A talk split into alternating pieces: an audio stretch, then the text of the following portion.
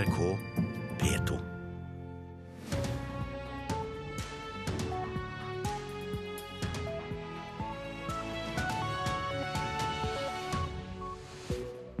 Velkommen til Nyhetsmorgen. Klokka er 6.30. Programleder i dag Anne Gjertlund Hansen, og dette er hovedsakene våre. Mange er skuffet etter at Petter Northug i går ble tatt for å ha kjørt bil i fylla. Turen endte i et autovern, og leder i Strindheim ski Oddbjørn Bruland sier dette er tragisk for Northug. Det er først og fremst en personlig tragedie som rammer han først og fremst. Fra klubbens side så er det jo mest han vi tenker på, da. Kina ønsker en garanti fra den norske regjeringen om at den aldri vil gratulere en fremtidig kinesisk fredsprisvinner dersom prisvinneren er en motstander av kinesiske myndigheter. Og norske sykepleiere bryter uniformsreglene. Det går utover pasientene, sier smittevernoverlege Tårny Myrbakk. Altså Konsekvensene det kommer jo for pasientene, som blir utsatt for en smitterisiko som de ikke burde bli utsatt for. Ja, skimiljøet er skuffet etter at Petter Northug kjørte bil med promille i går morges. Bilturen endte i et autovern i Trondheim, og Kjell Lindemo, tidligere rektor ved skigymnaset der Northug gikk, er svært skuffet.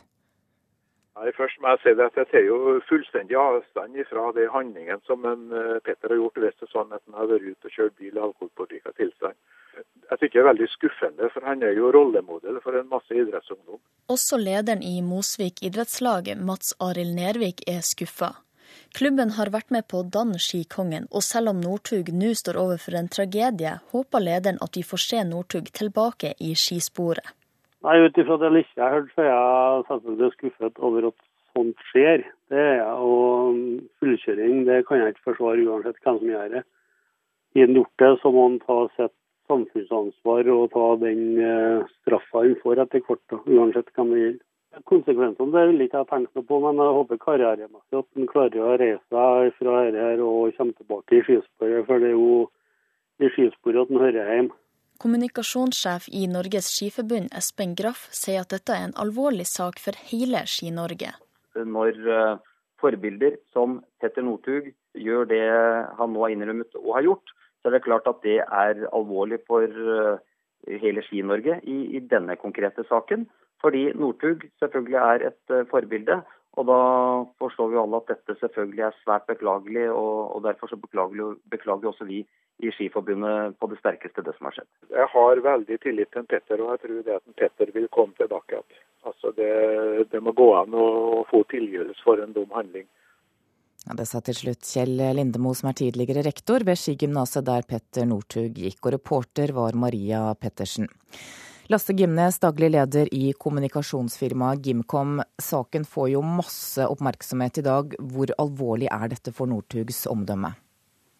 Jo, dette er svært alvorlig for hans uh, omdømme. Jo da, det har vært en del saker rundt Petter Northug tidligere.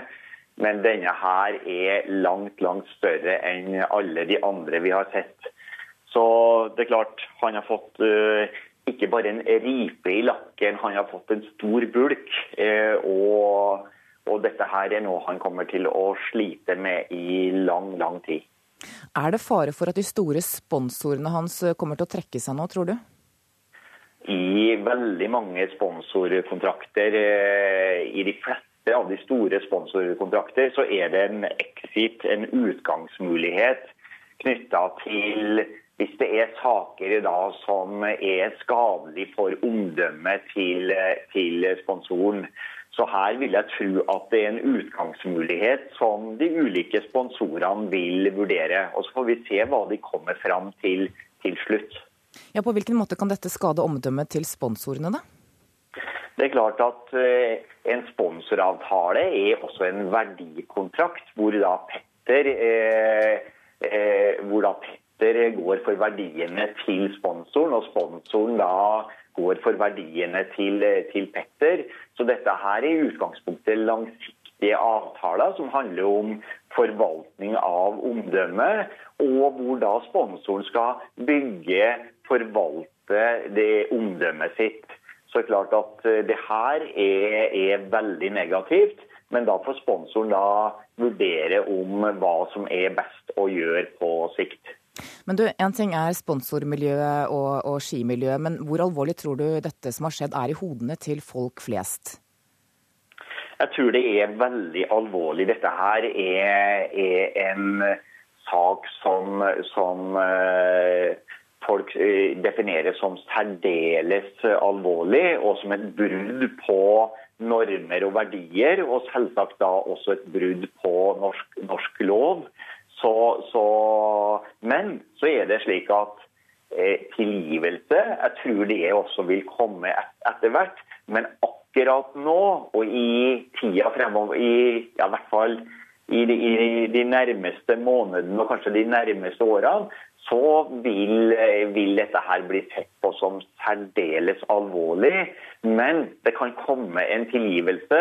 Så det betyr at Petter er nok ikke død for all tid som attraktivt sponsorobjekt, men akkurat i dag så har han store, store problemer. Men hva må han gjøre nå de nærmeste dagene og i tiden framover for å rydde opp? Han har jo allerede begynt gjennom den pressemeldinga som ble sendt ut i går. Og I så måte så var det en god start ved å legge seg flat, ikke skylde på andre enn seg selv. Men det skal langt mer til over, over lengre tid for at han kan få tilgivelsen hos det norske folk. Så jeg tror det er veldig mange som fordømmer den handlingen som han da har gjort, og som han da har innrømma. Men på sikt så kan han få tilgivelse. Takk skal du ha, Lasse Gimnes, daglig leder i kommunikasjonsfirmaet Gimcom. For første gang bekrefter kilder nær Kinas regjering det som kan være et hovedkrav fra Kina til Norge. Kina ønsker en garanti fra den norske regjeringen om at den aldri vil gratulere en fremtidig kinesisk fredsprisvinner dersom prisvinneren er en motstander av kinesiske myndigheter. En kneggende munter og blid Dalai Lama ledsages inn for å møte daværende stortingspresident Jørgen Kosmo i 2005. Noen ganger sier mindre land, de som ikke er en trussel mot noen. Noen ganger sier de mer, sa Dalai Lama. Ikke i 2014. Fire år etter at den kinesiske demokratiforkjemperen Liu Xiaobo fikk fredsprisen. Men at verken stortingspresident eller regjering denne gang møter Dalai Lama, er ikke tilstrekkelig. Uh, good, For første gang får NRK bekreftet ifra kilder nær Kinas øverste ledelse at Beijing ønsker seg konkrete løfter ifra Norges politiske ledelse. Uttalelsene kommer ifra professor Tsoi Hongjian ved Kinas institutt for internasjonale studier, en tenketank tett knyttet opp til det kinesiske regjeringsapparatet. Professor Tsøy sier at den norske regjeringen må garantere at de aldri vil gratulere en fremtidig fredsprisvinner fra Kina, eller applaudere en tildeling hvis prisvinneren er en kinesisk opposisjonell. To support this kind of decision by the commission. Hvis ikke de kommer med et sånt løfte, ah, er det ah. vanskelig for Kina å tro at Norge mener alvor når de sier de vil bedre forholdet til Kina, sier professor Tsøy.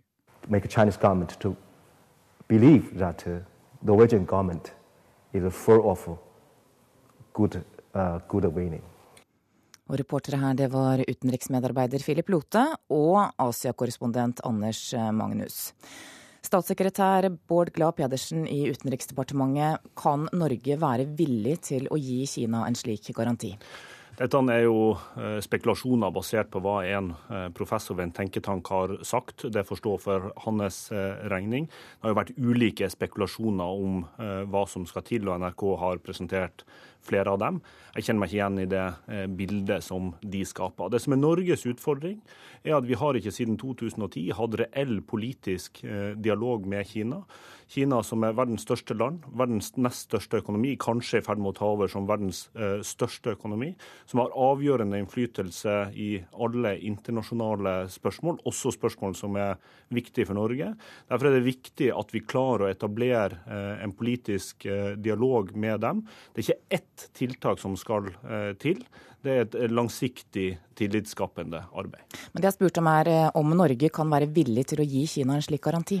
Ja, dette er jo spekulasjoner basert på hva én eh, forsker sier. Det er den samme forskeren som NRK presenterte i forrige uke at mente at Dalai Lama ikke burde slippe inn i Norge i det hele tatt. Det har aldri vært aktuelt for Norge. Selvsagt er han velkommen hit.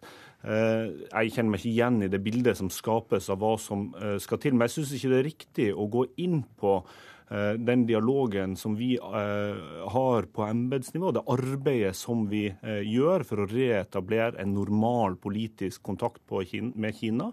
Fordi at det å gå inn i det vil ikke være hjelpsomt for det arbeidet. Det kan tvert imot skade arbeidet som er viktig for landet at vi får gjort. Ok, Men hva er Norge villig til å gi da, for å komme Kina i møte? For oss er det viktig å klare å reetablere en normal politisk kontakt med, eh, med Kina. Derfor valgte vi å eh, si nei eh, til å møte Dalai Lama. Det er ikke et spørsmål om norske økonomiske interesser mot eh, våre verdier. Det er et spørsmål om viktige politiske eh, hensyn. Når Kina har avgjørende innflytelse på internasjonale klimaforhandlinger, på handelsforhandlinger, på fattigdomsbekjempelse, økonomiske spørsmål, sikkerhetsspørsmål. Og vi er som det eneste vestlige eh, landet, avskåret fra reell politisk eh, kontakt med, med dem, og det er en utfordring. Som du sier, så har regjeringen allerede takket nei til å møte Dalai Lama for å prøve å blidgjøre kinesiske myndigheter. Hvor går grensen da, egentlig? Vi har valgt å si eh, nei til å eh, møte Dalai Lama. Han er på et privat eh, besøk. Vi ser at i andre land så gjør man ulike ting. Danmark, Tyskland, England, Sør-Afrika har tatt lignende beslutninger som det Norge har gjort, fordi at det er viktig å ha en politisk kontakt med Kina. Og Det å ha politisk kontakt er jo også avgjørende for å kunne ta opp spørsmål om menneskerettigheter, ta opp spørsmål om tibetanernes rettigheter rettigheter. Og Norge hadde jo en formalisert menneskerettighetsdialog med Kina eh, før eh, 2010, men det har det jo vært umulig å følge opp etter at Kina ikke ville lenger ha politisk dialog med oss. Det, hvilke konsekvenser tror du det får, da, at Norge sier nei til å møte, eller at den norske regjeringen sier nei til å møte Dalai Lama? Det er et langsiktig eh, arbeid å reetablere normal politisk eh, kontakt med Kina. Det er åpenbart i Norges interesse å gjøre det. Jeg mener at det også er i Kinas interesse. Jeg mener at det også er viktig av hensyn til menneskerettighetsspørsmål, for det gir oss en mulighet til å ha politisk eh, dialog med dem også om det. Og så har Kina avgjørende innflytelse på spørsmål som er viktige for Norge også på andre områder. Jeg må bare spørre deg til slutt. Ja. Eh, du sier, mener at, du, at eh, den norske regjeringen ikke har hørt om dette ønsket om at de må garantere for at den aldri vil gratulere en fremtidig fredsprisvinner fra Kina, eller applaudere en tildeling fra prisvinneren dersom det er en kinesisk opposisjon? Opposisjonell? Det, har vært ulike spekulasjoner om hva som skal til. NRK har presentert flere ulike spekulasjoner de siste ukene. Dette er den andre bare basert på det samme intervjuet med denne forskeren. Jeg syns ikke det er rett av meg å gå inn i uh, det, det, arbeidet som vi gjør for å reetablere normal politisk kontakt, fordi at det vil svekke uh, det arbeidet. Ok, Men er det en feil påstand? Det er, det er, spekulasjoner basert på hva én forsker sier. Det får stå for hans regning. Det er ikke ett tiltak som uh, skal til. Det er den siste i rekken av spekulasjoner som er, er presentert rundt uh, dette.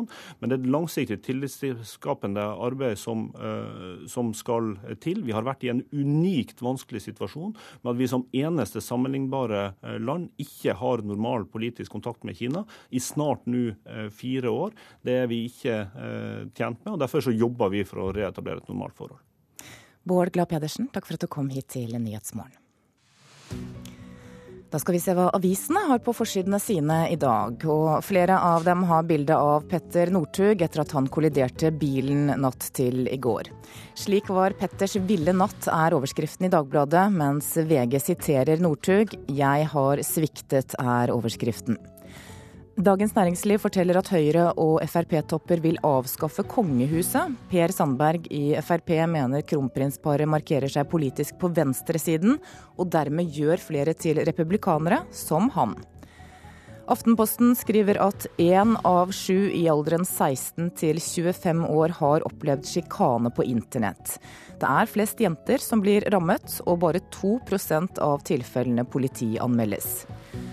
Justisministeren støtter politiet som hentet ut en iransk kvinne fra kirkeasyl i Philadelphia-menighetens lokaler i Kristiansand på lørdag. Statsråden sier til Vårt Land at ikke-vigslede menighetsbygg ikke kan brukes til kirkeasyl. Og hovedpastoren i menigheten mener at dette underkjenner hele frikirkebevegelsen. KrF kan snu i språkstriden, det er overskriften i Klassekampen. KrF åpner for å sikre modernisering av språket i Grunnloven når Stortinget stemmer over saken i morgen. Til gjengjeld vil partiet ha en paragraf som fastslår Norges forpliktelser når det gjelder menneskerettigheter. Mange av landets 136 strømselskaper er for små til å drive effektivt, det mener Olje- og energidepartementet. Og det betyr at det kan bli færre nettselskaper i fremtiden, skriver Nasjonen. Her knuser Frp OL-drømmen, er overskriften i Dagsavisen, med bilde av voteringen under Fremskrittspartiets landsmøte i går. Det å tro at Siv Jensen ombestemmer seg, er som å tro på julenissen, skriver avisen på lederplass. Bergens Tidende forteller at hundrevis av bergensere leier ut rom til fremmede ved hjelp av den tillitsbaserte nettstedet Airbnb. To av dem opplevde at en kvinnelig gjest solgte sex fra rommet i kjelleren deres. Og det er mindre fyll blant russen enn før, skriver Stavanger Aftenblad. 10 000 frivillige som passet på russen under landstreffet, forteller at det er færre som er overstadig beruset, og at det er mindre narkotika i omløp. Skal vi ha sport. Idrettspresident Børre Rognlien gir ikke opp håpet om OL i Oslo. I går stemte Fremskrittspartiet nei til å stille statsgaranti for et OL i Oslo i 2022, og idrettspresidenten er skuffet. Dette gjør jo ikke situasjonen noe enklere for noen, og det er jo blitt en veldig uoversiktlig situasjon. Så um, vi trenger jo nå få en avklaring i dagene som kommer fra regjeringen og fra de andre partiene på Stortinget. Idrettspresident Børre Rognlien er skuffet over Fremskrittspartiets nei til OL i Oslo. På FrPs landsmøte var det kun 72 av 219 delegater som stemte mot forslaget om å si nei til lekene. Men ikke alle depper over den avgjørelsen.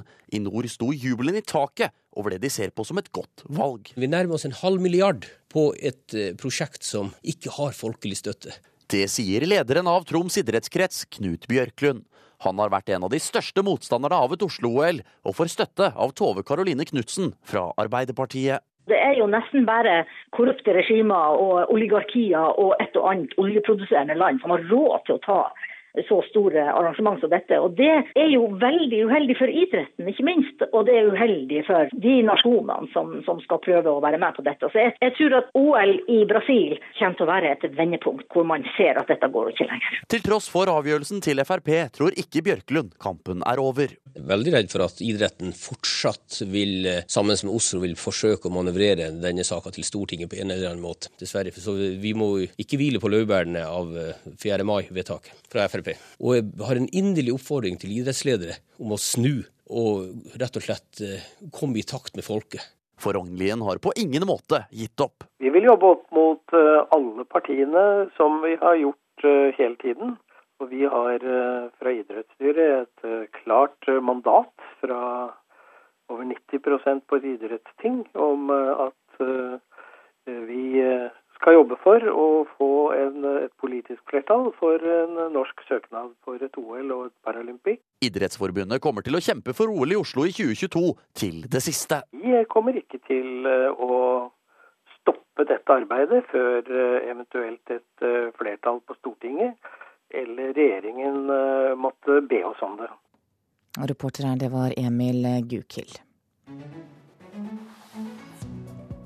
Du hører på Nyhetsmorgen nå. Klokka er 6.49, og dette er hovedsaker. Skimiljøet er skuffet etter at Petter Northug kjørte bil med promille i går morges. Bilturen endte i et autovern i Trondheim. Kina ønsker en garanti fra den norske regjeringen om at den aldri vil gratulere en fremtidig kinesisk fredsprisvinner dersom vinneren er en motstander av kinesiske myndigheter. Det bekrefter kilder til NRK. Og gjenoppbyggingen av Kongolandsbyen i Frognerparken får bred oppmerksomhet i utlandet. Men ikke alle journalistene forstår hva dette handler om, sier kunstnerne. Nå skal vi høre at norske sykepleiere ikke følger uniformsreglene godt nok. En ny forskningsrapport viser at mange sykepleiere går med både smykker, ringer og klokker. Og dette gir pasienter økt fare for infeksjoner. Ring eller armbåndsur har mer bl.a. tarmbakterier og sånn her staflokokker, sånn hud- og nesebakterier, har mer av det på hendene enn de som ikke har det. Og det er jo klart at Da øker jo risikoen for at du sprer disse mellom pasientene. Den øker jo med at du har det på jobb. Smittevernoverlege ved UNN, Tårny Myrbakk, forklarer hva som kan skje hvis en sykepleier har på seg f.eks. en ring på jobb. Myrbakk er klar på at det er alvorlig. Altså Konsekvensene det kommer jo for pasientene som blir utsatt for en smitterisiko som de ikke burde bli utsatt for. Personen bak forskninga er høyskolelektor Jorunn Andrea Brend ved avdeling for sykepleierutdanning ved Høgskolen i Sør-Trøndelag. Hun har bl.a. sett på hvorfor de ikke følger uniformsreglene.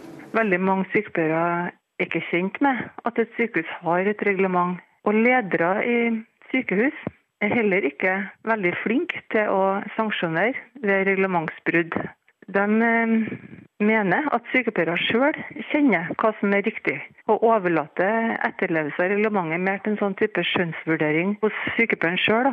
På intensivavdelinga på UNN er det spesielt viktig med god hygiene. Derfor mener avdelingsleder Birgit Nerskogen at det må settes mer fokus på reglementet for å unngå unødig lidelse for pasientene.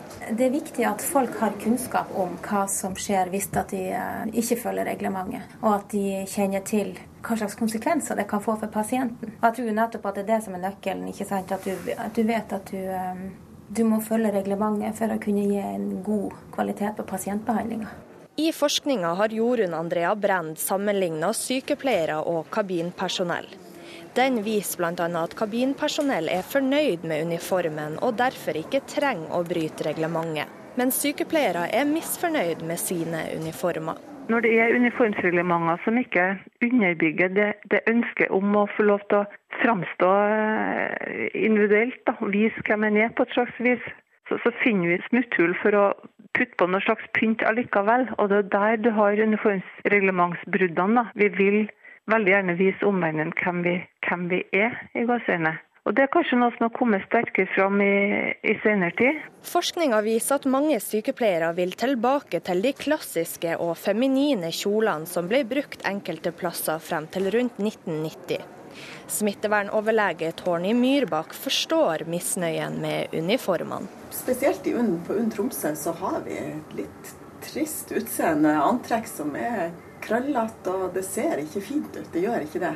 Så jeg tror det, hadde vi kunnet bære det med litt mer stolthet, så hadde det også føltes bedre kanskje, og lettere å få folk til å etterleve det. Og jeg forstår jo også at man har behov for å pynte seg, men nå er det nå engang sånn at vi er helsearbeidere, og da må sikkerheten til pasientene komme før det. Reporter var Elise Holdal. Teaterstykker om terror og terrorister dukker nå opp på norske scener. Mens det først var de små teatrene som tok tak i temaet terror etter 22.07.2011, så setter nå også de store institusjonene opp stykker om terrorisme.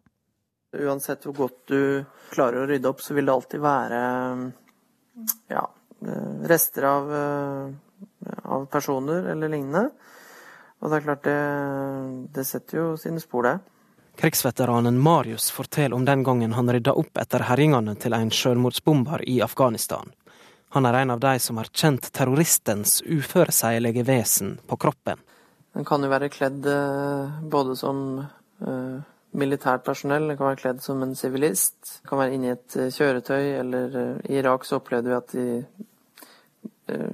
brukte døde dyr og, og plasserte bomber inni, inni de langs veien. Nå har Marius delt erfaringene han gjorde i møte med terroren med skuespillerne i teaterstykket 'Pearl of Scandinavia'. Du bringer oss nærmere Gud. Nei, vi må drepe oss. Det finnes en bedre utvei. Vær så snill, hør på meg, Adel. Vær så snill, ikke gjør det. Jeg vil ikke. Nei! Nei, jeg vil ikke. Vær så snill. Kamp på liv og død mellom terrorist og gissel i stykket som blir å se under Festspillene i Bergen i år. Stykket er et av ei rekke med terror som tematikk som har kommet etter 22.07-åtaka. Først dukka slike stykker opp på små, uavhengige teater, men nå er de på vei inn på de etablerte scenene. Ved Nationaltheatret har stykket 'Demoner 2014' tatt opp temaet, og under Festspillene i Bergen vil i tillegg til 'Pearl of Scandinavia' også det omdiskuterte Breivik-stykket 'Manifest 2083' bli vist. Vi ønsket da å utforske en terrorsituasjon, en fiktiv terrorsituasjon med ulike innfallsvinkler. Det sier regissør av Pearl of Scandinavia, Katinka Rydin Berge. For henne var det aldri aktuelt å skildre 22.07-hendelsene eksplisitt. Jeg tror det er for ferskt i tid, for meg i hvert fall. Eh, og jeg er ikke, jeg er ikke interessert i å gå inn i en hendelse, en historisk reell, eh, reell hendelse som, som, berører veldig mange. Det er for, for tidlig. Eh, og jeg vet ikke om det nødvendigvis skaper noe mer forståelse. Reporter var Lars Ivar Nordahl. Den kontroversielle Kongolandsbyen som er under oppføring i Frognerparken i Oslo, får oppmerksomhet også i utenlandske medier. Rasismedebatten kunstprosjektet har satt i gang er ikke unik for Norge, sier kunstnerne bak utstillingen. Men de er forundret over hvor mange misforståelser som er ute og går. Her er bare juks med skruer og ikke helt autentiske hjelpemidler blir brukt for å sette opp det som ellers skal være en autentisk kopi av Kongolandsbyen i Frognerparken i 1914. Det hele til ære for nasjonen og Grunnlovens 100-årsjubileum. Den gang var landsbyen befolket av 80 mennesker hentet fra Senegal for anledningen. Men nå skal mennesker i flere farger bebo landsbyen gjennom sommeren. Lars Kotsner er en av de to kunstnerne bak prosjektet. Han forstår godt at utlendinger blir nysgjerrig på landsbyen som nå reiser seg. Uh, Tematikken er ikke unik for Norge. Det skjer i mange land, sier Kotsner. Det han snakker om er rasisme. You're listening to the BBC World Service. Publikum over store deler av verden kjenner til prosjektet. Senest i helgen var kunstnerne nok en gang gjester hos BBC. Aviser fra USA, Australia og Hongkong, i tillegg til europeisk presse, har skrevet om Kongolandsbyen. Fatlabi er forundret over hvor mye ensidig kritikk som har blitt presentert i utlandet. Sometimes you find like just one side of the story, uh, and in some other countries they were a bit like uh, you feel that they were busy proving that Norway is uh, not that nice. Utenlandske journalister understreker gjerne at Norge ikke er et så snilt land som vi liker å fremstille oss som, forteller kunstneren. Kulturredaktør i danske Dagbladet Informasjon, Anna von Sperling, forklarer hvorfor de har omtalt Kongolandsbyen. Når vi på Dagbladet Informasjon velger å ta den opp, så er det jo fordi at vi løpende prøver i vår egen dekning av af dansk kunst at finne ut av hvor, hvor er det at kunstnerne på en eller annen måde kommer med et innspark med en samfundsreplik, som, øh, som, som, som rækker ut over kunsten. Lars Kotsner forstår de ulike reaksjonene. For det er vanskelig i vår tid å sette fingeren på hva som egentlig er rasisme, sier han. Vi kan use, uh, use terms like tolerance and openness and democracy as a way to, to exclude other people because you basically can say, you know, if you're not as open as us, you don't belong in this society. For nordmenn er toleranse, åpenhet og demokrati honnørord. Men Kotsner mener dette også er en form for rasisme, fordi det ligger under at vi er bedre enn andre. Målestokken er ikke lenger rase og hudfarge, men målingen fortsetter, ifølge kunstnerne. Reporter her, det var Thomas Alvarstein Ove. Skal vi se på et værvarsel som gjelder til midnatt. Jotunheimen og Langfjella kan vente seg snø av og til i dag. Midt på dagen sludd under 1000 meter, mest nedbør sør for Haukeli. Rondane, fjellstrøkene Dovrefjell, svenskegrensen og fjellstrøkene Trollheimen, Strynefjellet. Tilskyende oppholdsvær. Fra i ettermiddag enkelte sluddbyger i sør, ellers opphold. Østlandet kan vente seg stort sett oppholdsvær i dag. Fra utpå ettermiddagen enkelte regnbyger. Telemark regn av og til fra vest. Agder kan vente seg regn. I Rogaland er det fra i ettermiddag ventet sørøstlig liten og til dels stiv kuling, og regn også der. Hordaland og Sogn og Fjordane regn av og til. Møre og Romsdal kan vente seg opphold. Trøndelag stort sett pent vær. Nordland og Troms lettskyet pent vær. På Finnmark er det ventet enkelte snøbyger i dag, og på vidda en del sol.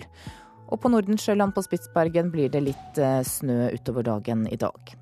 Så tar vi med noen av temperaturene som ble målt klokka fem. Da hadde Svalbard lufthavn minus seks grader, Kirkenes minus to, Vardø minus én, Alta minus fire, Tromsø-Langnes minus tre, Bodø null, Brønnøysund én, Trondheim-Værnes null, Molde null. Bergen-Flesland 4, Stavanger 6, Kristiansand-Kjevik 6, Gardermoen minus 2, Lillehammer minus 2, Røros minus 5 og på Oslo-Blindern så så var det to plussgrader da klokka var fem i morges. Og det er ventet stort sett uh, uendret temperatur østafjells, i Troms og Finnmark, ellers i landet litt stigende. NRK P2. Dette er inga ripe i lakken, men en kraftig bulk, sier omdømmeekspert etter Petter Northug si fyllekjøring.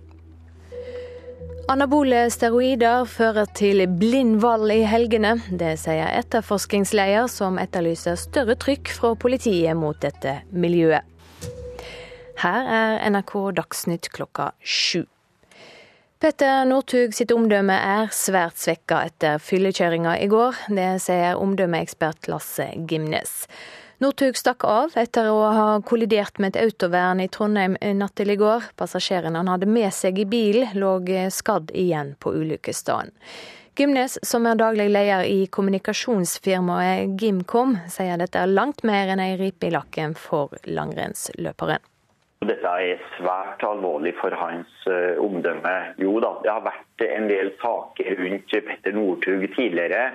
Men denne her er langt, langt større enn alle de andre vi har sett. Så det er klart, han har fått uh, ikke bare en ripe i lakken, han har fått en stor bulk.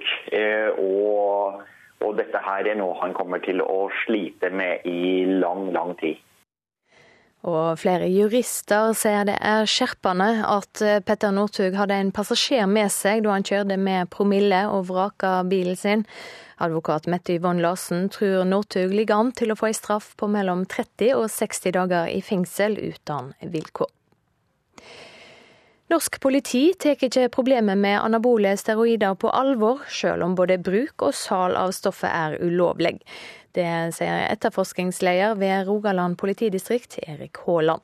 Han ser en klar sammenheng mellom anabole steroider, medisiner som øker muskelveksten, og voldsbruk. Ja, jeg mener det er åpenbar sammenheng. Eh, det er blind vold, eller eh, på, på gata i helgene. Og ikke minst profittmotivert vold. Altså det du ser i 1 miljø opp mot torpedosaker, trusselsaker og innkreving. Og Politidirektoratet sier til NRK at de store og alvorlige dopingsakene blir prioriterte, men at politiet er avhengig av tips fra publikum for å få tatt brukerne av eh, anabole steroider. Den eh, nigerianske presidenten Goodluck Jonathan lover at regjeringa i landet skal sørge for å få sett fri de 223 skolejentene som ble bortførte av islamister i april. Samtidig ber han USA om hjelp til å slå ned på den eh, voldelige islamistgruppa Boko Haram. Det var eh, NRK Dagsnytt. I studio Silje Sande. Klokka er 7.03. Eh, Nyhetsmorgen fortsetter i P2 og Alltid nyheter med disse sakene. Langrennsløper Petter Northug får mye kritikk etter fyllekjøringen i går morges. Vi spør hvilke konsekvenser dette får for idrettskarrieren hans. Boligkjøpere er ikke interessert i å kjøpe oppussingsobjekter. Og over 60 prorussiske aktivister har rømt fra fengsel i den ukrainske byen Odessa. Petter Northug sier at han er forberedt på å ta straffen for å ha kjørt bil i påvirket tilstand. Fyllekjøringen endte med en ulykke i går morges, og passasjeren i bilen ble skadd i ulykken. Dette er en alvorlig sak for Northug, det sier leder for Strindheim skiklubb, Oddbjørn Buland. Nei, det er først og fremst en personlig tragedie som rammer han først og fremst. Det var altså søndag morgen at bilen med Petter Northug bak rattet feide over en rundkjøring på Byåsen i Trondheim og braste inn i autovernet på motsatt side. Med seg i bilen hadde Northug en passasjer som ble lettere skadd. Northug forlot skadestedet og passasjeren før politi og ambulanse kom, men har senere innrømmet promillekjøring og beklaget hendelsen på det sterkeste.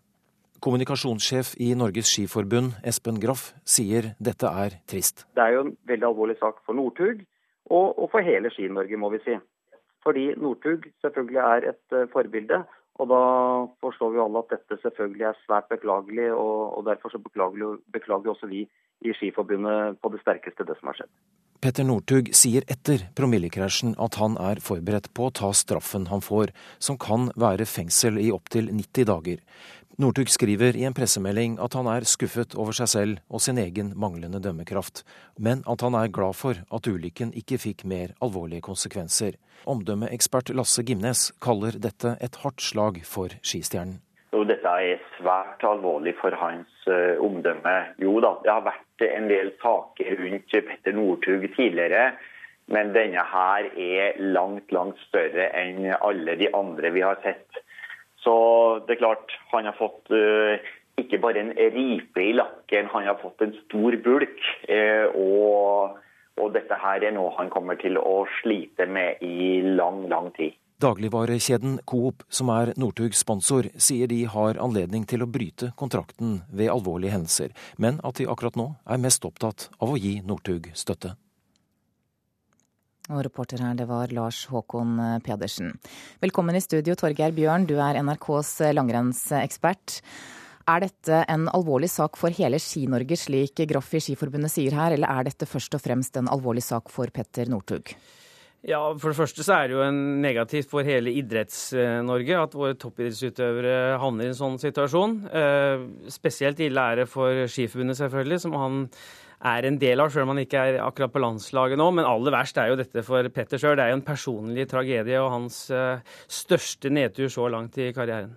Og Norges Skiforbund skal i dag ha et møte med teamet rundt Northug for å drøfte situasjonen. Hvordan bør langrennsmiljøet reagere på det som har skjedd? Nei, jeg tror nok eh, i likhet med Petter, som, som sjøl legger seg flat og legger alle korta på bordet og, og beklager sterkt. Det, det, samme må jo skif, Skiforbundet og Idretts-Norge gjøre. Eh, samtidig så er det også sånn vi har, vi har, en tradisjon i Norge for å tilgi folk. og Hvis man legger kortet kortet på bordet og soner eventuelle dom han skulle få, så må også Petter få en sjanse til å, til å komme tilbake. Hvilke konsekvenser kan det få da for ham? Jeg tror nok sånn rent eh, Det er klart omdømmet hans, som vi hørte også i saken her, blir jo svekka av det her. Vi er vant til at det stormer rundt Petter. Han er ingen A4-mann. Det, det, har alltid vært mange kontroverser rundt han. Men de fleste av de har jo vært litt morsomme. At han erter på seg litt svenskene osv. Det er jo mange som syns det er litt festlig. Men akkurat det han gjør her, med kjøring alkoholpåvirket tilstand, utsette seg sjøl og andre for fare, det, det er alvorlig. Så er mange opptatt av sponsoravtalen i dag, og hvilke konsekvenser eh, dette kan få for disse avtalene. Hva tror du? Jeg tror det er todelt. Skiforbundet, for Skiforbundets avtale tror jeg ikke det betyr noe. Dette skjedde jo ikke i Skiforbundets regi, det var ikke på samling eller en verdenscup. Det var en privat regi han gjorde dette. Eh, men for hans private sponsorer så tror jeg de tenker seg nøye om, for de har jo ene og alene Petter å forholde seg til, og det er et alvorlig svikt og brudd på den tilliten han hadde til de sponsorene. Ja, hva skjer dersom han mister noen av disse kontraktene? Eh, ja, altså Han stiller jo økonomisk sterkt fra før, Petter, så uansett så vil han nok ha skal vi si, finansielle muskler til å satse videre. Men jeg er mer opptatt av at nå Petter eh, får fokus på det sportslige igjen. Eh, legger seg flat selvfølgelig og beklager det, men framstår med andre verdier og begynner å trene som han gjorde for noen år siden. Hvordan skal han fremstå med andre verdier, da? Hvordan skal han gjøre det? Han er jo godt i gang med å legge seg flat her og beklage det han har gjort. Det er det eneste riktige, for det er helt uforsvarlig det han gjorde der. Samtidig så vet jeg at Petter har så mange andre verdier òg. Han er en snill gutt og en god gutt på bunn. Så jeg tror det er viktig at nå at både Skiforbundet og folk rundt i skimiljøet faktisk nå støtter han i en vanskelig situasjon. Han får straff nok med å bli hengt ut som han gjør i, i mediebildet nå. Men er det viktigst at folk flest tilgir ham, eller at sponsorene og Skiforbundet gjør det? Det er ikke nok bare å gå fort på ski og være en stor stjerne. sånn. Det er viktig at man i Idretts-Norge framstår med sunne, sunne, verdier også. Så jeg vil si både sponsor og, og, og de andre er like viktige der. Tror du han kommer tilbake som toppløper? Det er lett å tenke nå at nå er Petter ferdig, nå har han eh, mista fokus og gjør mye utenomsportslige ting som ikke er bra. Men jeg tror faktisk Petter kommer tilbake. Dette må være hans vendepunkt. Han er på bunn nå. Han gjorde alt riktig fram til VM i Holmenkollen i 2011. Og så har det vært mye tull og tøys i de siste to-tre sesongene, og dette er på en måte bunnen av det. Dette må han bruke som et vendepunkt i livet sitt og komme sterkere tilbake enn noen gang. Torgeir Bjørn, takk for at du kom til eh, Nyhetsmorgen. Da skal vi høre at eh, oppussingsobjekter blir stadig mindre populære hos vanlige boligkjøpere. Det viser en spørreundersøkelse utført for DNB Eiendom. Men noen er fortsatt ute etter en leilighet der de med god samvittighet kan rive ned det meste. Hvor mye må man pusse opp her, tror du? Veldig mye. Jeg tror i eh, de betraktede øyne kommer det være alt foruten terrassen. Megler Maria Olsson holder visning på en drøyt 90 kvadratmeter stor leilighet på Røa i Oslo. Prisantydningen frister med mye plass for pengene i dagens marked. Det er mye brunt tre her. Det er det absolutt. Eh, brunt var jo også veldig populært rundt, eh, i alle fall oransje også, rundt 70-tallet og 80-tallet, begynnelsen av der. At leiligheten selges som oppussingsobjekt har sammenheng med at det vel er en stund siden engelsk-persiske vegg-til-vegg-tepper og ertesuppegrønt listverk preget toneangivende interiørmagasiner. Det samme kan nok sies om det noe helseinstitusjonsaktige linoleumsgulvet på kjøkkenet, og de to badene befinner seg nok et godt stykke unna moderne våtromsstandarder. Her må de gjøre alt. Sier Kine Berget, som sammen med sin Øyvind er på visning med drømmen om å gjøre en leilighet helt til sin egen. Og det her er jo et kjempefin mulighet. Øyvind jo, har jo litt mer kompetanse enn hva jeg har, så For du har gjort dette før? Ja, jeg er utdannet tømrer og byggingeniør. Så eh, sammen med noen venner og eh, familie, så blir dette bra. Tror du at du hadde gitt deg i kast med et sånt prosjekt uten å ha den eh, kompetansen i bunn? Jeg kan svare nei. det er ingen tvil om. Det har jeg aldri gjort. Kine og Øyvind er litt atypiske for trenden. For ifølge en spørreundersøkelse utført for DNB Eiendom, svarer bare 3% av de som planlegger å kjøpe bolig, at et rimelig oppussingsobjekt står øverst på ønskelisten. Salgssjef Kent Syverstad mener tidsklemma kombinert med god økonomi gjør at mange nordmenn overlater til proffene å by på boliger som krever totalrenovering. I tillegg mener han lovendringer og rettspraksis har gjort oppussingsobjektene mer risikofylte enn de var før. Du som kjøper blir sittende med større del av undersøkelsesansvaret eh, i dag enn for 20 eh, år siden. Og Det tror jeg de aller fleste er eh, klar over og tar med seg det i sin risikovurdering her. Men skulle boligprisene fortsette oppover, kan oppussingsobjektene fort bli populære igjen som en rimelig vei inn på boligmarkedet. Jeg vil ikke si at eh, man ikke skal gå ut og vurdere oppussingsobjekter. Jeg bare sier at eh, tenk deg nøye om. Ta med deg eh, flere enn deg selv som, som, kjenner litt til bygg, litt til forskjellige typer av bygningskonstruksjoner, og gjør en litt grundigere undersøkelse i hva dette faktisk er, før du hiver deg inn i budrunden og, og kaster deg for mye over det du har tenkt å gi. Reporter her, det var Halvard eh, Norum.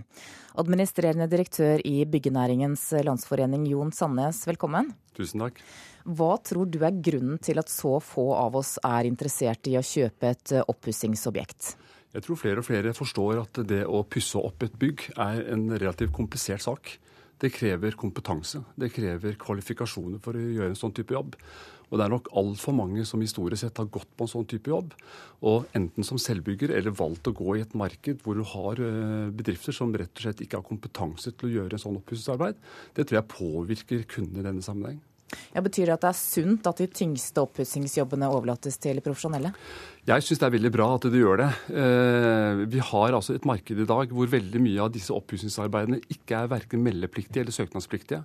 Og Det innebærer at du som forbruker og eier av en sånn bolig kan gå ut og kjøpe de tjenestene hvor som helst. Vi må være klar over at eh, i Norge så er det slik at nesten hvem som helst kan etablere en håndverksbedrift og selge sine håndverkstjenester uten at de kan dokumentere at de faktisk har kvalifikasjoner.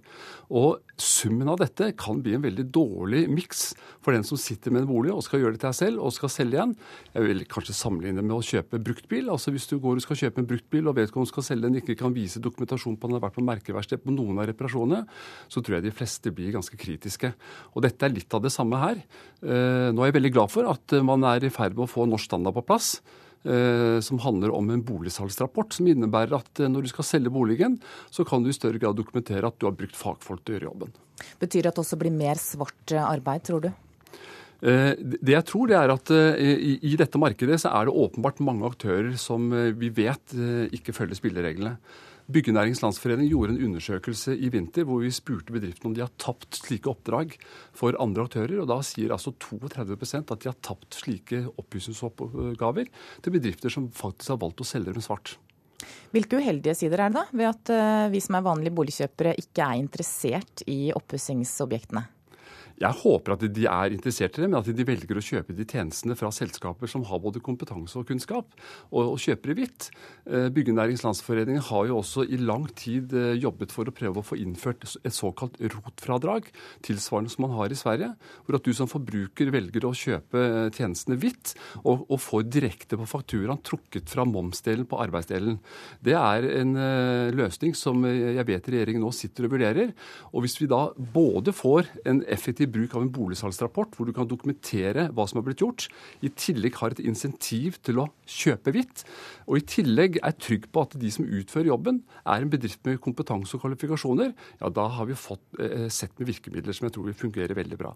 Men Betyr dette at vi er litt kravstore blitt? Vi skal ikke bare ha et sted å bo, det skal være nyoppussa i tillegg?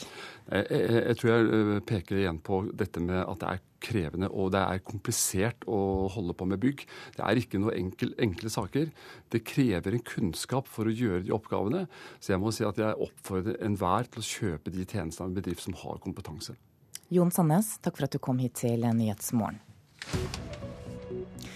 Nå er klokka 7.15, og du hører altså på Nyhetsmorgen. Dette er hovedsaker i dag. Langrennsløper Petter Northug får mye kritikk etter fyllekjøringen i går morges. Idrettspresident Børre Rognlien gir ikke opp håpet om OL i Oslo, til tross for at Fremskrittspartiet i går stemte nei til å stille en statsgaranti. Og det er spent i den ukrainske byen Odessa etter opptøyene i helgen. Seniorforsker Tor Bukkvold kommer i studio om noen få minutter.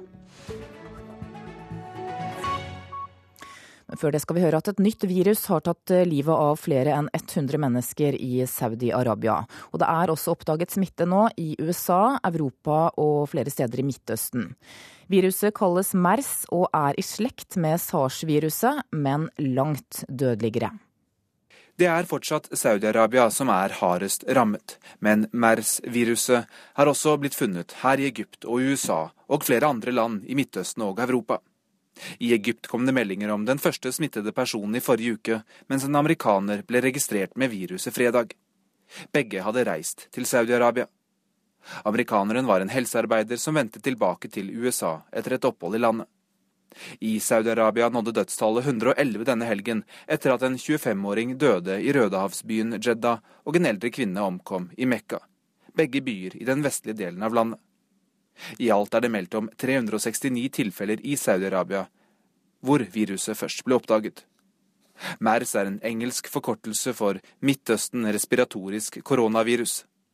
Verdens helseorganisasjon sier det er liten sjanse for smitte fra menneske til menneske, men det har vært flere tilfeller der helsearbeidere har blitt smittet. Nylig sluttet fire leger ved et sykehus i Jeddah fordi de ikke ville behandle pasienter med viruset. De fryktet smitte. Det finnes ingen vaksine og heller ingen kjente antivirale behandlinger for viruset. Virusets opphav er ennå ukjent, men forskning antyder at smitte kan spres via kameler. Sigurd Falkenberg Mikkelsen, Kairo skal vi til eh, Ukraina, for i byen Odessa demonstrerer folk mot at 60 prorussiske aktivister slapp ut av fengsel i går. Aktivistene ble pågrepet i forbindelse med brannen på fredag, som kostet flere enn 40 mennesker livet. Politiet grep ikke inn da de slapp fri, og det ukrainske flertallet i Odessa frykter at russerne holder på å ta over kontrollen over byen. Arrestantene går ut av arresten til stor jubel. Dette er helter, og Odessa er en russisk by, blir det ropt fra folkemengda. Politimenn står og ser på. De griper ikke inn mot de prorussiske demonstrantene som omkranser fengselet. De 67 arrestantene som nå er fri, ble arrestert etter gatekamper på fredag. Opptøyer som førte til over 40 dødsfall. De fleste brann inne i et fagforeningsbygg. En prorussisk demonstrant sier til avisa The Guardian han mener brannen var et folkemord mot etniske russere. Fagforeningsbygget har nå blitt et samlingspunkt for begge sider i den ukrainske konflikten. I går kveld var det de Ukraina-lojale sin tur til å marsjere ved den utbrente bygningen. Mange var skuffa over at politiet ikke hindra de prorussiske demonstrantene fra å forlate fengselet. Nå forlanger de nye takter fra politiledelsen. I dag fikk vi ny politisjef. Han lovde oss å heise det ukrainske flagget på fagforeningsbygget, sier Vladimir til ukrainsk fjernsyn. Regjeringa i Kiev skylder politiet i Odessa for å være illojale, og politiledelsen ble i helga skifta ut. Statsminister Arsenij Jatsenjuk kaller politiet sin opptreden på fredag kriminell. Odessa by ligger strategisk plassert mellom Krim og utbryterrepublikken Transnistria i Moldova. På begge steder har Russland såkalla fredsbevarende soldater. Det er sju og en halv time å kjøre fra Odessa til Bucarest, den næreste EU-hovedstaden. Urolighetene i Odessa begynte etter at den ukrainske hæren slo til mot separatister i Øst-Ukraina. Nå gjenstår det å se om utskiftinger i politiledelsen er nok til å stabilisere situasjonen. Reporter her, det var Roger Severin Bruland. Seniorforsker Tor Bukkvold ved Forsvarets forskningsinstitutt, velkommen. Takk. Den ukrainske regjeringen har altså skiftet ut politiledelsen i Odessa. Vil det hjelpe dem til å ta kontroll over situasjonen, tror du? Kanskje, kanskje ikke. Det her har vi gjort i veldig mange deler av Ukraina. Særlig i øst har man skifta både ledelsen for politiet, ledelsen for sikkerhetsstyrkene, ledelsen for Innenriksdepartementet. Noen plasser så har det hatt effekt, andre plasser så har det hatt mindre effekt. Eh, det er i hvert fall klart at eh, når man bare slipper ut dem som var arrestert på det viset, så kunne dem som da sto bak det, eller det var ansvarlig for det, sannsynligvis ikke fortsette. Men ikke stor grad det her vil hjelpe, vil bare tida vise. Ja, har politiledelsen i byen vært illojale, slik regjeringen i, i Kiev hevder? Ja, Det må nok eh, studeres mer i ettertid før vi kan svare ordentlig på det. Men eh, det kan jo se slik ut, da. Eh, nøyaktig hvorfor de faktisk slepte dem ut, det vet ikke. Om det var bare at de, at de følte seg pressa til folkemengden, eller om det var sympatier med dem som var fengsla. Det er vanskelig å vite. Så i ikke stor grad de faktisk har vært det, må nok det må en etterforskning til, rett og slett. Odessa ligger altså på grensen til EU. Hvor farlig er det som skjer nå for Vest-Europa? Ja, for Vest-Europa så tror jeg det er begrensa farlig. Det er nok først og fremst farlig for uh, Ukraina. Uh, mest, jeg tror at det skjer nå i Odessa. I den grad det her er i hvert fall delvis da initiert, om ikke kontrollert, fra Russland, så har det å gjøre med det at de ukrainske myndigheter gikk til motoffensiv i øst. Og for å gjøre det da vanskeligere for den motoffensiven, så var det et poeng å åpne en, så å si, en ny front i sør det kan da eh, føre til at Ukraina må på en måte spre maktressursene sine mer, og dermed at man blir svakere. Så jeg tror ikke det er helt tilfeldig at det skjedde akkurat nå i Odessa. Hva kan den ukrainske regjeringen gjøre da for å beholde kontrollen over de russiskvennlige provinsene? Akkurat nå så, så, kjører de en såkalt antiterrorkampanje, som de kaller det. Altså ta tilbake offentlige bygninger og ta tilbake de delene av landet som er, er okkupert av væpna personer. Eh, og det er kanskje det, er det første de må gjøre. Så det, har jo ukrainske myndigheter hentyda at de er villige til å kompromisse til viss grad, både på lokalt selvstyre og på dette språkspørsmålet. Eh, det har ikke virka som dem som har okkupert bygninga foreløpig, har vært så veldig interessert i det tonene fra Kiev, men kanskje det kan endre seg på sikt. Det er ganske klart at eh, på sikt så må ukrainske myndigheter og få større, enda større deler av befolkninga til å se det som skjedde på Maidan, og at man kasta Janukovitsj som en slags sånn revolusjon for hele landet, og ikke bare for sentral- og Vest-Ukraina. Der tror jeg særlig det første avgjørende døgnet etter at Janukovitsj måtte gå fra makta, så forspilte nok den nye makthaverne noen sjanser der, bl.a. med å lage en regjering som var veldig vest, veldig, som representerte i stor grad Vest-Ukraina. Så de har gjort noen feil, men samtidig på en måte ikke sånn at de fortjener at, eh, at, store deler av landet blir okkupert. Da. Men de har en jobb å gjøre på lang sikt, tror jeg. Seniorforsker Tore Bukkvold, takk for at du kom til eh, Nyhetsmorgen. Da skal vi se hva avisene har på forsidene sine i dag. Flere av dem har bilde av Petter Northug etter at han kolliderte bilen natt til i går.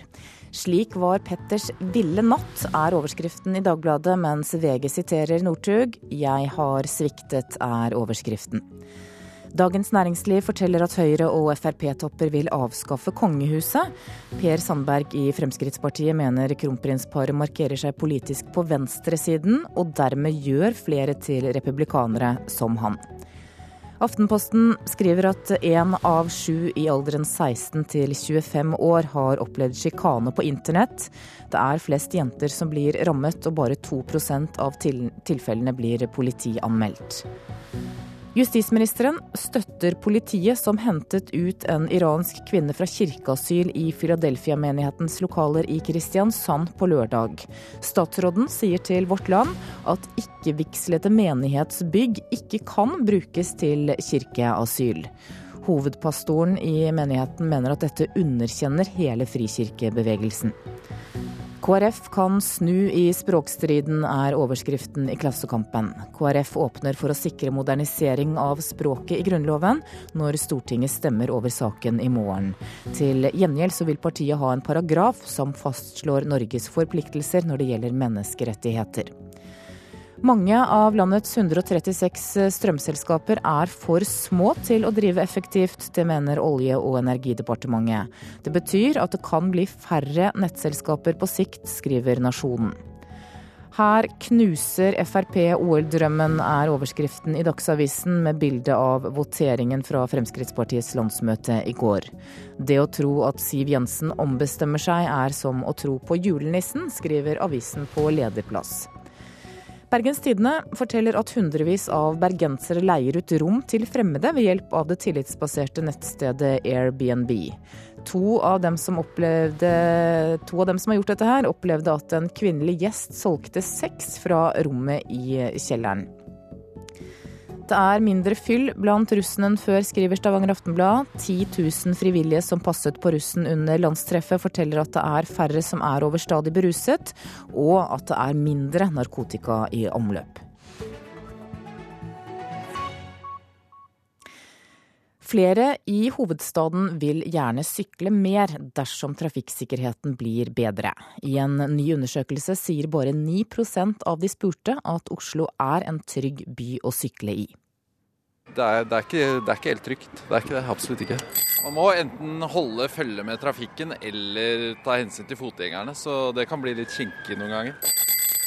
Marius Moengen sykler gjennom Oslo sentrum på en svart, litt gammel sykkel med bagasjebrett. I en ny undersøkelse gjort av analyseselskapet Markør på vegne av Oslo kommune, kommer det frem at langt fra alle syns byen er trygg å sykle i. Kun 9% av de spurte er fornøyde med trafikksikkerheten. Det burde i hvert fall være litt bedre sykkelvei, syns jeg egentlig. Det sier Eva Røgler. I dag starter Oslo kommune en inspirasjonskampanje for å få flere til å sykle i hverdagen. Flere som henne de som kun sykler av og til. Og potensialet er stort. For i undersøkelsen svarer 75% av de som ikke er så flinke til å bruke sykkelen sin, at de hadde gjort det om trafikksikkerheten var bedre. Der kjenner Eva Røgler seg godt igjen. Det er det at jeg, jeg skal på en måte ikke føle meg til bry for bilene. At ikke de skal føle at de må kjøre forbi meg hele tiden. Men at eh, det at jeg har en ordentlig sykkelvei som jeg kan kjøre på og føle meg trygg da når jeg sykler, det er det viktigste. Men hadde du syklet mer hvis det var mer trafikksikkert? Ja, det hadde jeg gjort. Miljø- og samferdselsbyråd fra Venstre, Guri Melby, har også prøvd lykken på sykkel i hovedstaden. Nå eh, var jeg på en lang sykkeltur på søndag og testa ut flere ruter rundt Torshovdalen og Grünerløkka. Er du enig i at det kan oppleves som utrygt å sykle i Oslo? Jeg er enig i at det er veldig ulik kvalitet på det sykkelveinettet vi har. Og så mener jeg at vi har en særlig utfordring med sentrum. Hvordan vi kan gjøre det trygt for syklister der. Men kun 9% mener at sykkelveiene her er trygge nok. Er du skuffa over det? Jeg syns jo det er synd at ikke flere opplever sykkelveinettet som trygt i dag, men jeg er heller ikke overraska. Eh, og det har nok fram til nå vært et litt for treigt tempo i bygginga av sykkelveinettet. Det tror jeg vi må erkjenne. Samtidig så har vi nå fått økt trykk både på bygging og på planlegging. Vi skal bygge fem km med sykkelveinett i år. Og samtidig kommer vi til å rulle ut en del kortsiktige tiltak som flere røde sykkelfelt flere røde sykkelbokser og sånt i løpet av året her, så jeg håper at folk vil merke en forskjell allerede i år. Og det er spesielt stor forskjell hvis vi sammenligner oss med Malmö og København. For der syns to tredjedeler av befolkningen i begge byene at deres by er trygg å sykle i. Guri Melby tror at Oslo kan bli like flinke, og det gjør hobbysyklisten også. Jeg håper det, for det er jo det er veldig bra for miljøet og Jeg sparer trafikken for kø, og det er mange fordeler med det. Hvor ofte hadde du syklet da hvis Oslo var eh, sånn sykkelby som København? Da hadde jeg syklet så ofte som mulig, egentlig. Det sa Eva Røgler, og reporter her det var eh, Daria Sorsic. 70% av befolkningen sier nei til norsk EU-medlemskap, mens bare 20% vil at Norge skal bli medlem av unionen. Det viser en måling utført av Sentio for Nasjonen og Klassekampen. Det er nei-flertall i alle politiske partier på Stortinget. Du lytter til Nyhetsmorgen. Klokka nærmer seg 7.30 og Dagsnytt. I reportasjen etter det så skal du få høre om eh, at organiserte kriminelle har tjent en formue på illegal dumping av avfall i området rundt eh, Napoli. Produsent for Nyhetsmorgen var Eli Bjelland. Programleder Anne Jetlund Hansen. Mange er skuffa over fyllekjøringa til Petter Northug. Sponsorene sitter foreløpig på gjerdet. Kinesiske kilder kommer nå med det som kan være nøkkelen for å åpne dørene mot Norge. Her må de gjøre alt. Færre enn før er klare for total oppussing. Vanlige huskjøpere styrer unna slitne hus og leiligheter. God morgen, her er NRK Dagsnytt klokka 7.30. Petter Northug kan komme til å bli straffa med 30-60 dager fengsel uten vilkår. Det sier advokat Mette Yvonne Larsen. Flere jurister sier til NRK at det er skjerpende både at Petter Northug hadde en passasjer med seg da han kjørte med promille og krasja, og at han stakk av fra ulykkesstedet grytidlig søndag morgen. Man mener jo at promillekjøring er en forbrytelse mot uh, allmennheten. Det er jo derfor det straffes så strengt. Og når du attpåtil har med deg noen i bilen, så blir ikke det, det blir sett på som skjerpende. Det sier advokat Mette Yvonne Larsen når hun uttaler seg på generell basis. I femtiden søndag morgen kjørte Petter Northug rett over en rundkjøring og inn i autovernet på Byåsen i Trondheim. Bilen ble totalvraket, og en mann født i 1991 som satt på, brakk kragebeinet og fikk lettere skader. Northug stakk fra ulykkesstedet før politiet og ambulansepersonell kom frem, og har innrømmet at han var beruset da kjøreturen endte i grøfta. Jeg tror man ligger et sted mellom 30 og 60 dager ubetinga fengsel. Det tror jeg nok dessverre ligger i hvert fall i det området der. Men uh, klart, jeg kjenner jo ikke omstendighetene. Det vil sjelden være noen formildende omstendigheter i saker med promillekjøring. Som ordinær fyllekjøringsepisode, da ligger vi i det sjiktet der og kanskje høyere. Reaksjonene har vært sterke, og straffen kan komme til å bli det samme. NRKs langrennskommentator Jan Post stiller spørsmål ved om Northug noen gang vil klare å komme tilbake på toppnivå. Spørsmålet er motivasjonen til Petter Northug. Ting tyder på at han ikke har levd eh, et A fire toppidrettsliv etter OL og fram til nå. Akkurat nå virker det ikke som han har hatt den motivasjonen på en stund. Ifølge TV 2 vil Olympiatoppen stille et kriseteam til disposisjon overfor Northug. Skiforbundet skal i dag ha møter med langrennsprofilens team, samtidig som man avventer informasjon som vil bli avgjørende for Northug i straffeprosessen. De største sponsorene til Petter Northug ser alle svært alvorlig på saka, men eh, har ikke bestemt om de skal bryte samarbeidet. Og Du kan lese mer om eh, saka på nrk.no. Reporter Mats Håby. For eh, første gang stadfester kilder nær Kinas regjering det som kan være et kinesisk hovedkrav for å bedre tilhøvet til Norge. Kina ønsker en garanti fra den norske regjeringa om at de aldri vil gratulere en framtidig kinesisk fredsprisvinner dersom han eller hun er en motstander av styresmaktene i Kina. En kneggende munter og blid Dalai Lama ledsages inn for å møte daværende stortingspresident Jørgen Kosmo i 2005. Noen ganger sier mindre land, de som ikke er en trussel mot noen, noen ganger sier de mer, sa Dalai Lama. So, no Ikke i 2014. Fire år etter at den kinesiske demokratiforkjemperen Liu Xiaobo fikk fredsprisen. Men at verken stortingspresident eller regjering denne gang møter Dalai Lama, er ikke tilstrekkelig. Uh, good, For første gang får NRK bekreftet ifra kilder nær Kinas øverste ledelse at Beijing ønsker seg konkrete løfter ifra Norges politiske ledelse. Uttalelsene kommer ifra professor Tsoi Hongjian ved Kinas institutt for internasjonale studier, en tenketank tett knyttet opp til det kinesiske regjeringsapparatet.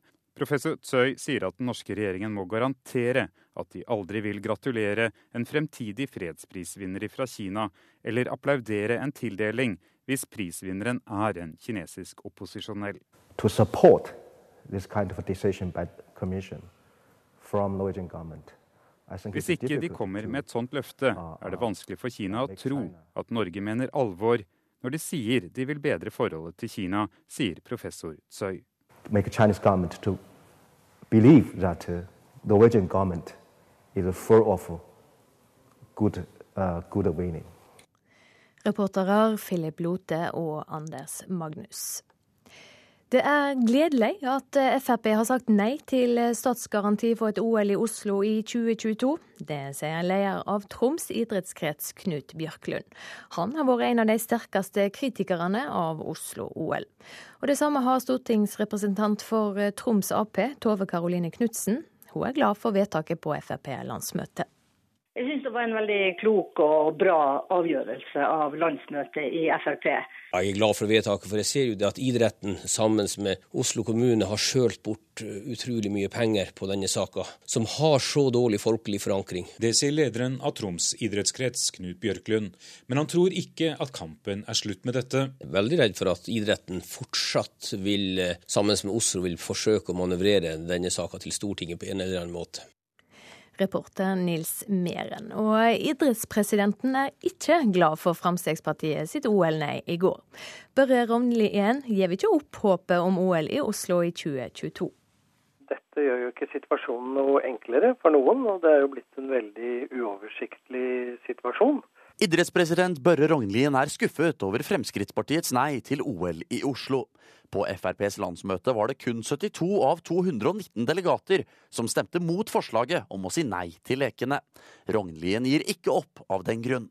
Vi vil jobbe opp mot eh, alle partiene, som vi har gjort eh, hele tiden. Og vi har eh, fra idrettsstyret et klart mandat fra over 90% på et idrettsting om at vi skal jobbe for å få en, et politisk flertall for en norsk søknad for et OL og et Paralympic. Idrettsforbundet lar seg ikke knekke, og kommer til å kjempe for OL i Oslo helt til det siste. Vi kommer ikke til eh, å stoppe dette arbeidet før eh, eventuelt et flertall på Stortinget eller regjeringen måtte be oss om det. Reporter Emil Gukild. I Nigeria lover presidenten Goodluck Jonathan at regjeringa i landet skal sørge for å få sett fri de 223 skolejentene som ble bortførte av islamister i april. Samtidig ber han USA om hjelp til å slå ned den voldelige islamistgruppa Boko Haram. Tryggingsstyrker har starta en aksjon i området der bortføringene hender, for å prøve å spore opp jentene. Og I Nord-Irland er Sinn Fein-leder Jerry Adams kritisk til tidspunktet politiet pågrep han på. Adams ble satt fri i går etter å ha vært avhørt av politiet om ei IRA-drapssak fra 1972 over fire dager. Sinn Fein-lederen sier politiet burde vist bedre skjønn og ikke pågripe han midt i valgkampen, siden han alt for to måneder siden tilbød seg å svare på spørsmål om saka. Det melder BBC.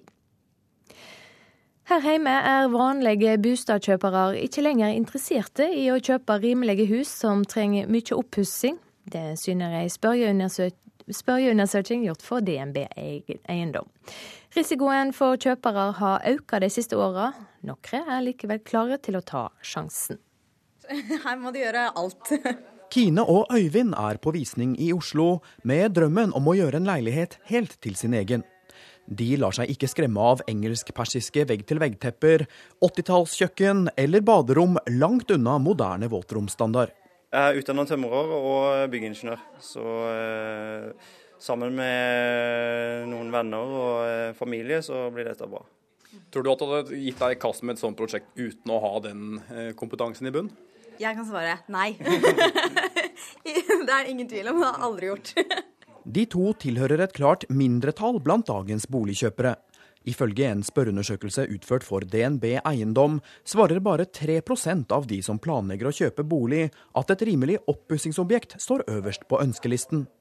Ifølge DNB-meglerne står dette i klar kontrast til boligmarkedet for 10-15 år siden, da oppussingsobjekter med god beliggenhet ble regnet som de mest populære boligene. Tidsklemma kombinert med god økonomi trekkes fram som en del av forklaringen. I tillegg mener salgssjef Kent Syverstad at lovendringer har gjort oppussingsobjektene mer risikable for kjøper. Du som kjøper blir sittende med større del av undersøkelsesansvaret Eh, i dag enn for 20 eh, år siden. Og Det tror jeg de aller fleste er eh, klar over og tar med seg det i sin risikovurdering her. Reporter Halvard Norum. Nestleder i Fremskrittspartiet, Per Sandberg, vil avskaffe kongedømmet. Han sier til Dagens Næringsliv at kronprinsparet står på venstresida i norsk politikk, særlig på miljø, klima, innvandring og en del verdispørsmål. Sandberg mener det taler for å avvikle kongehuset. Partileder i Frp Siv Jensen sier hun ikke visste at Sandberg er republikaner. Og han kommer som gjest i Politisk kvarter om fem minutter. NRK Dagsnytt, Silje Sande.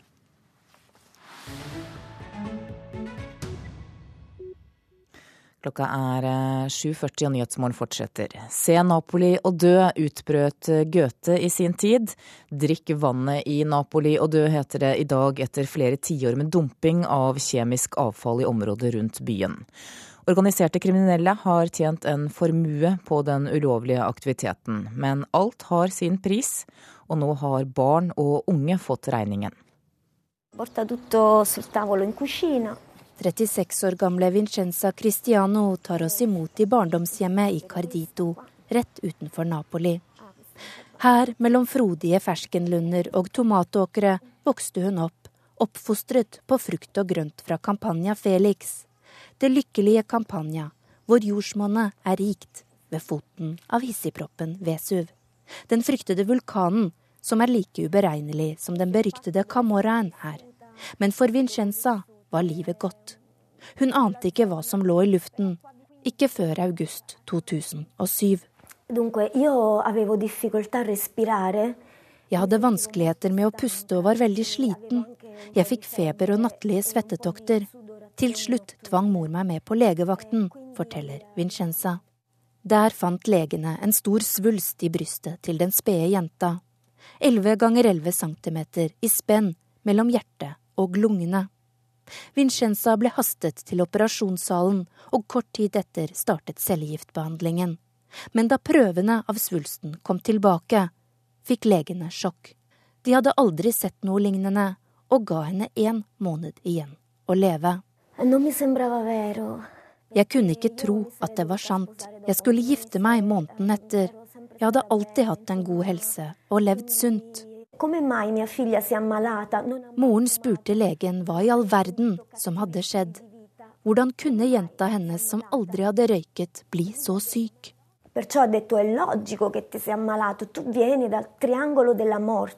Han sa at det er logisk at du er blitt syk. Du kommer fra dødens triangel. Vi hadde aldri hørt om det før. Men det hadde forskerne. Tre år tidligere satte de dødens triangel på kartet, etter en eksplosiv økning i antall krefttilfeller rundt nettopp Vincenzas hjemsted. E io nel 2006, come tanti altri colleghi, ci siamo chiesti cosa stava succedendo. I 2006 spurte jeg meg, som så mange andre av mine kollegaer, hva i all verden er det som skjer? Dette kunne vært tilfellet dersom det hadde blitt sluppet en atombombe eller om vi hadde vært utsatt for et forferdelig angrep med kjemiske våpen, sier overlege Antonio Marfella ved Det nasjonale kreftinstituttet i Napoli. Kunne det ha sammenheng med husholdningsavfallet som synlig hopet seg opp rundt dem gang på gang, spurte forskerne. Uvitende om den virkelige trusselen som var blitt dumpet og gjemt i steinbrudd og åkre her i over 20 år. For dette er historien om hvordan den beryktede Camorraen har tjent seg søkkrike over flere tiår på å få farlig industriavfall til å forsvinne. Noe graves ned, det som kan brennes, setter de fyr på. Slik sprer giften seg også i luften og siver ned i grunnvannet. Etter 20 år er effekten nedslående. Sono morti di cancro, Tina 28 anni, Enzo 12 anni. Don Patricello trekker frem to store portretter. Enzo ble bare tolv år gammel. Tina, 28. Den modige presten mobiliserer. For nå er det gått 20 år siden en mafiaboss hoppet av og varslet om giftdumpingen, uten at noe ble gjort. Nå bærer de portretter av de døde gjennom gatene, for å få myndighetene til å handle. Fordi vi er overbevist om at de døde skriker høyere enn de levende. Det var Charlotte Bergløf som rapporterte fra Napoli. Og på våre nettsider så kan du lese hvordan det gikk med Vincenza Cristiano. Klokka nærmer seg 7.45 og Politisk kvarter. Dette er våre hovedsaker. Mange er skuffet etter at Petter Northug i går ble tatt for å ha kjørt bil i fylla.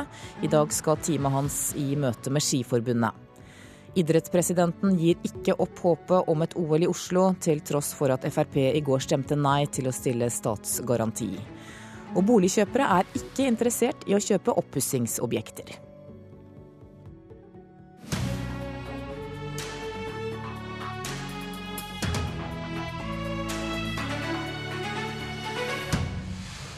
Fremskrittspartiet kan ha knust OL-drømmen, eller vil Arbeiderpartiet bidra til at det likevel blir flertall for en statsgaranti? Dette er Politisk kvarter i NRK1 og NRK P2, der vi også skal få høre hvorfor Per Sandberg vil avskaffe kongehuset. Her i studio, Per Arne Bjerke. Fremskrittspartiet avsluttet i går ettermiddag sitt landsmøte med at flertallet av delegatene stemte nei til statsgaranti for OL i 2022. Og dermed har dere vel knust OL-drømmen til Idrettsforbundet og Oslo kommune, nestleder Per Sandberg? Nei, jeg har vært med i politikken eh, så lenge at uh, selv om vårt, landsmøte har uh, falt ned på dette standpunktet, så er det Fortsatt så har vi bare 16,3% for å si det sånn. Og fortsatt så har vi bare 29 stortingsrepresentanter. Så eh, at det kan eh, etableres eh, konstellasjoner med flertall for, for OL, er fortsatt til stede. Men vi har tatt standpunkt. Ja, jeg går ut fra at Frp-statsråden er bundet av landsmøtevedtak. og Er det helt tatt mulig for en regjering å fremme en så viktig sak der sju av statsrådene tar dissens? Ja, altså dissens i, i, i statsråd har vi registrert tidligere. Men det er helt riktig. Vårt landsmøtevedtak er nå klargjørende, sånn at våre statsråder er bundet av det vedtaket. Jo, men hvem er det som skal være med å sikre flertall for et OL som dere er imot? Ja, nei, det vil ikke Jeg skal ikke blande meg inn i de andre partiene sine vurderinger, men nå kommer jo landsmøtene på mhm. rekke og rad her. Eh, Høyre skal vel ha landsmøte nå til helga, og så, så, skal de andre partiene og det største partiet skal vel ha et landsmøte ja. også. Så, så eh, det er Stortinget som må avgjøre dette nå. Ja, Du ser bort på sidekvinnen din, nestleder i Arbeiderpartiet, Helga Pedersen. Eh, Arbeiderpartiet kan jo bli avgjørende for å sikre flertall for en statsgaranti. Hva kommer dere til å gjøre? Vi har ikke tatt stilling til den saka enda. Det er jo bl.a. avgjørende å få eh, innsyn i hva det til syvende og sist vil koste, og ikke minst hvordan kostnadsfordelinga mellom Oslo kommune og staten skal være. Eh, men det som er status nå, er jo at eh, det er skapt en, eh, en svært forvirra situasjon. Og Fremskrittspartiet utgjør halvparten av regjeringa. Så det regjeringa nå veldig raskt må avklare, er jo om man vil legge frem den OL-saka som er varsla til høsten. Og man må også klargjøre om man nå i realiteten har forhåndskonkludert i den saka. Din partikollega på Stortinget, Tove Karoline Knutsen, hun sa til Dagsnytt nå nettopp at hun gleder seg over FrPs nei. Hvor stor oppslutning har hun i Arbeiderpartiet? Eh, det vet jeg ikke, for Arbeiderpartiet har ikke behandla den saka enda. Også i Arbeiderpartiet er det nok ulikt syn på det her.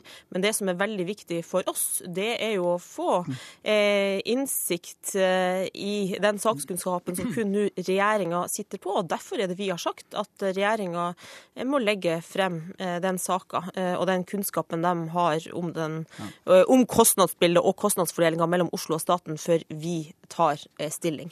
Men de må jo avklare nå snart snarest eh, om saka vil bli lagt frem, og når den vil bli lagt frem, og om man i realiteten har konkludert. Er du med på å skape forvirring, Per Sandberg, slik Helga Pedersen nå nettopp sa? Nei, jeg tror eh, faktisk vi er med å avklare tinga, da. Når vårt landsmøte har gjort et vedtak, så vet man i hvert fall hvilket standpunkt Fremskrittspartiet har. Men så er det riktig, jeg er jo litt enig med Helga i det. Og det var jo det som var mitt utgangspunkt på landsmøtet, også i forhold til denne resolusjonen. Men du ble stemt ned?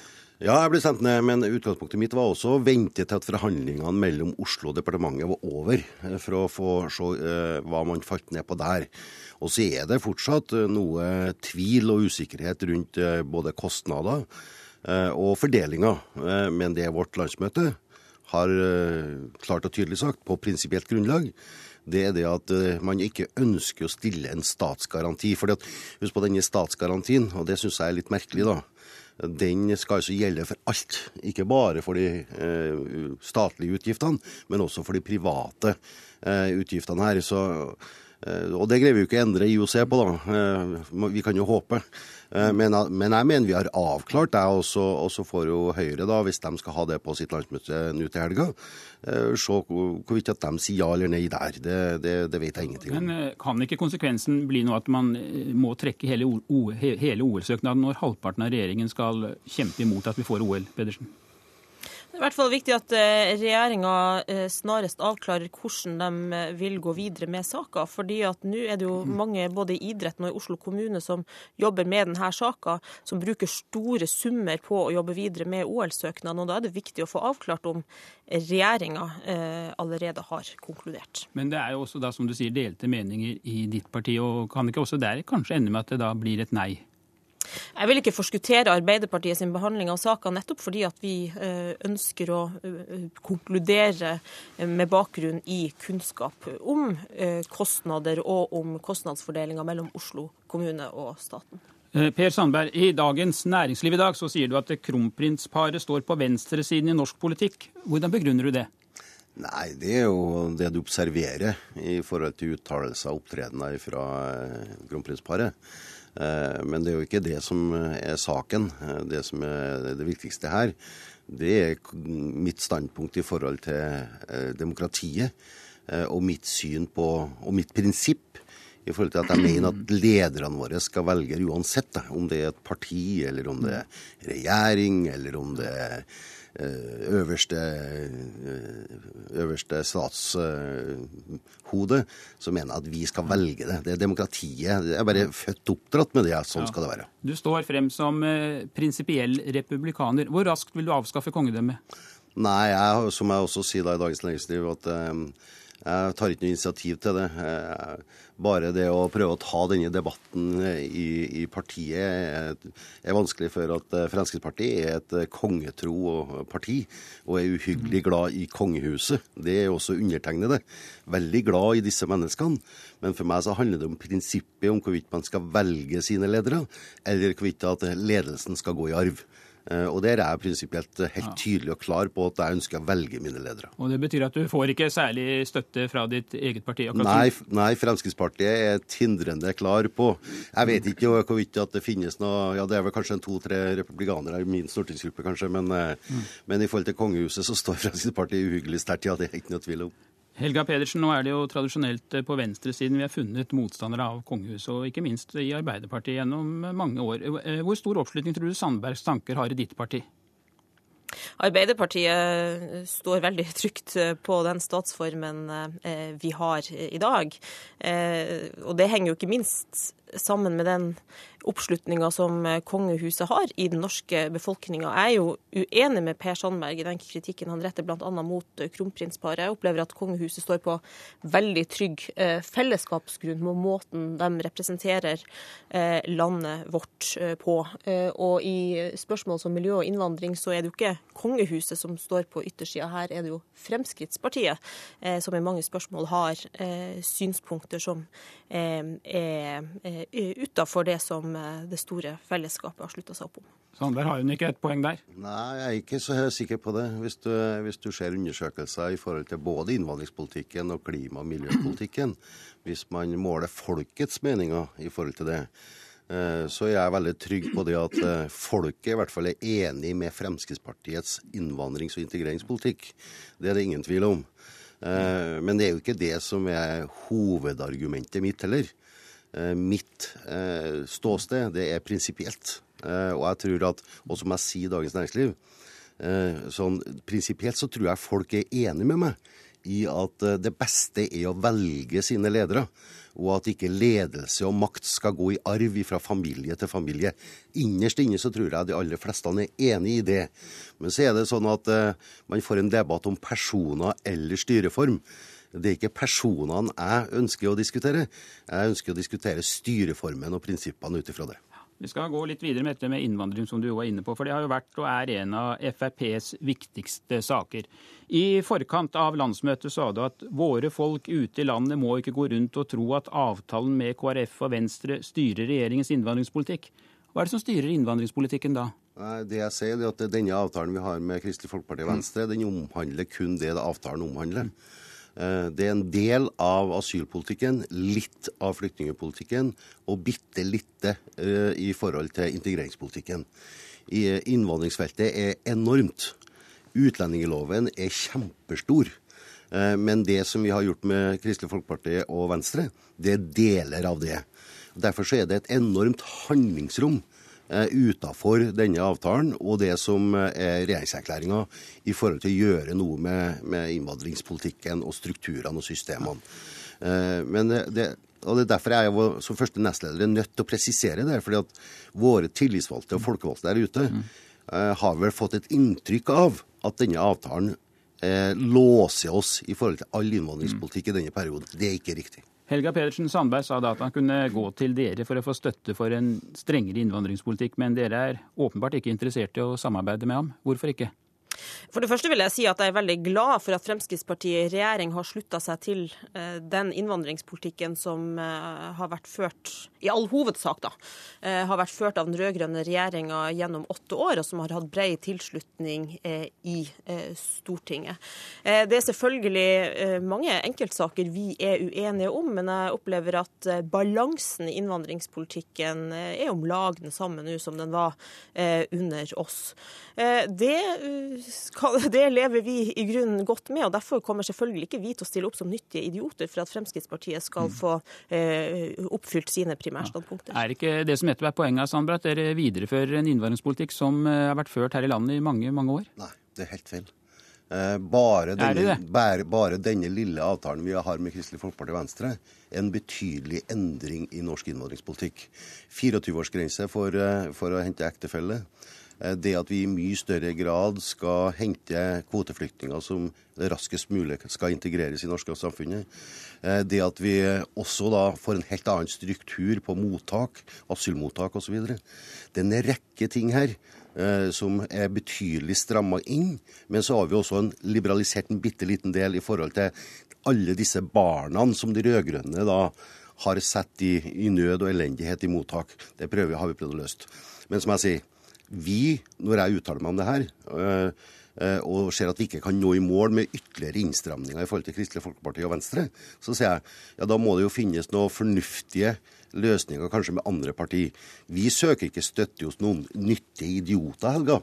Jeg hadde trodd at Arbeiderpartiet kanskje også i opposisjon skal videreføre det de tross alt påstår sjøl, at de er et fornuftig parti.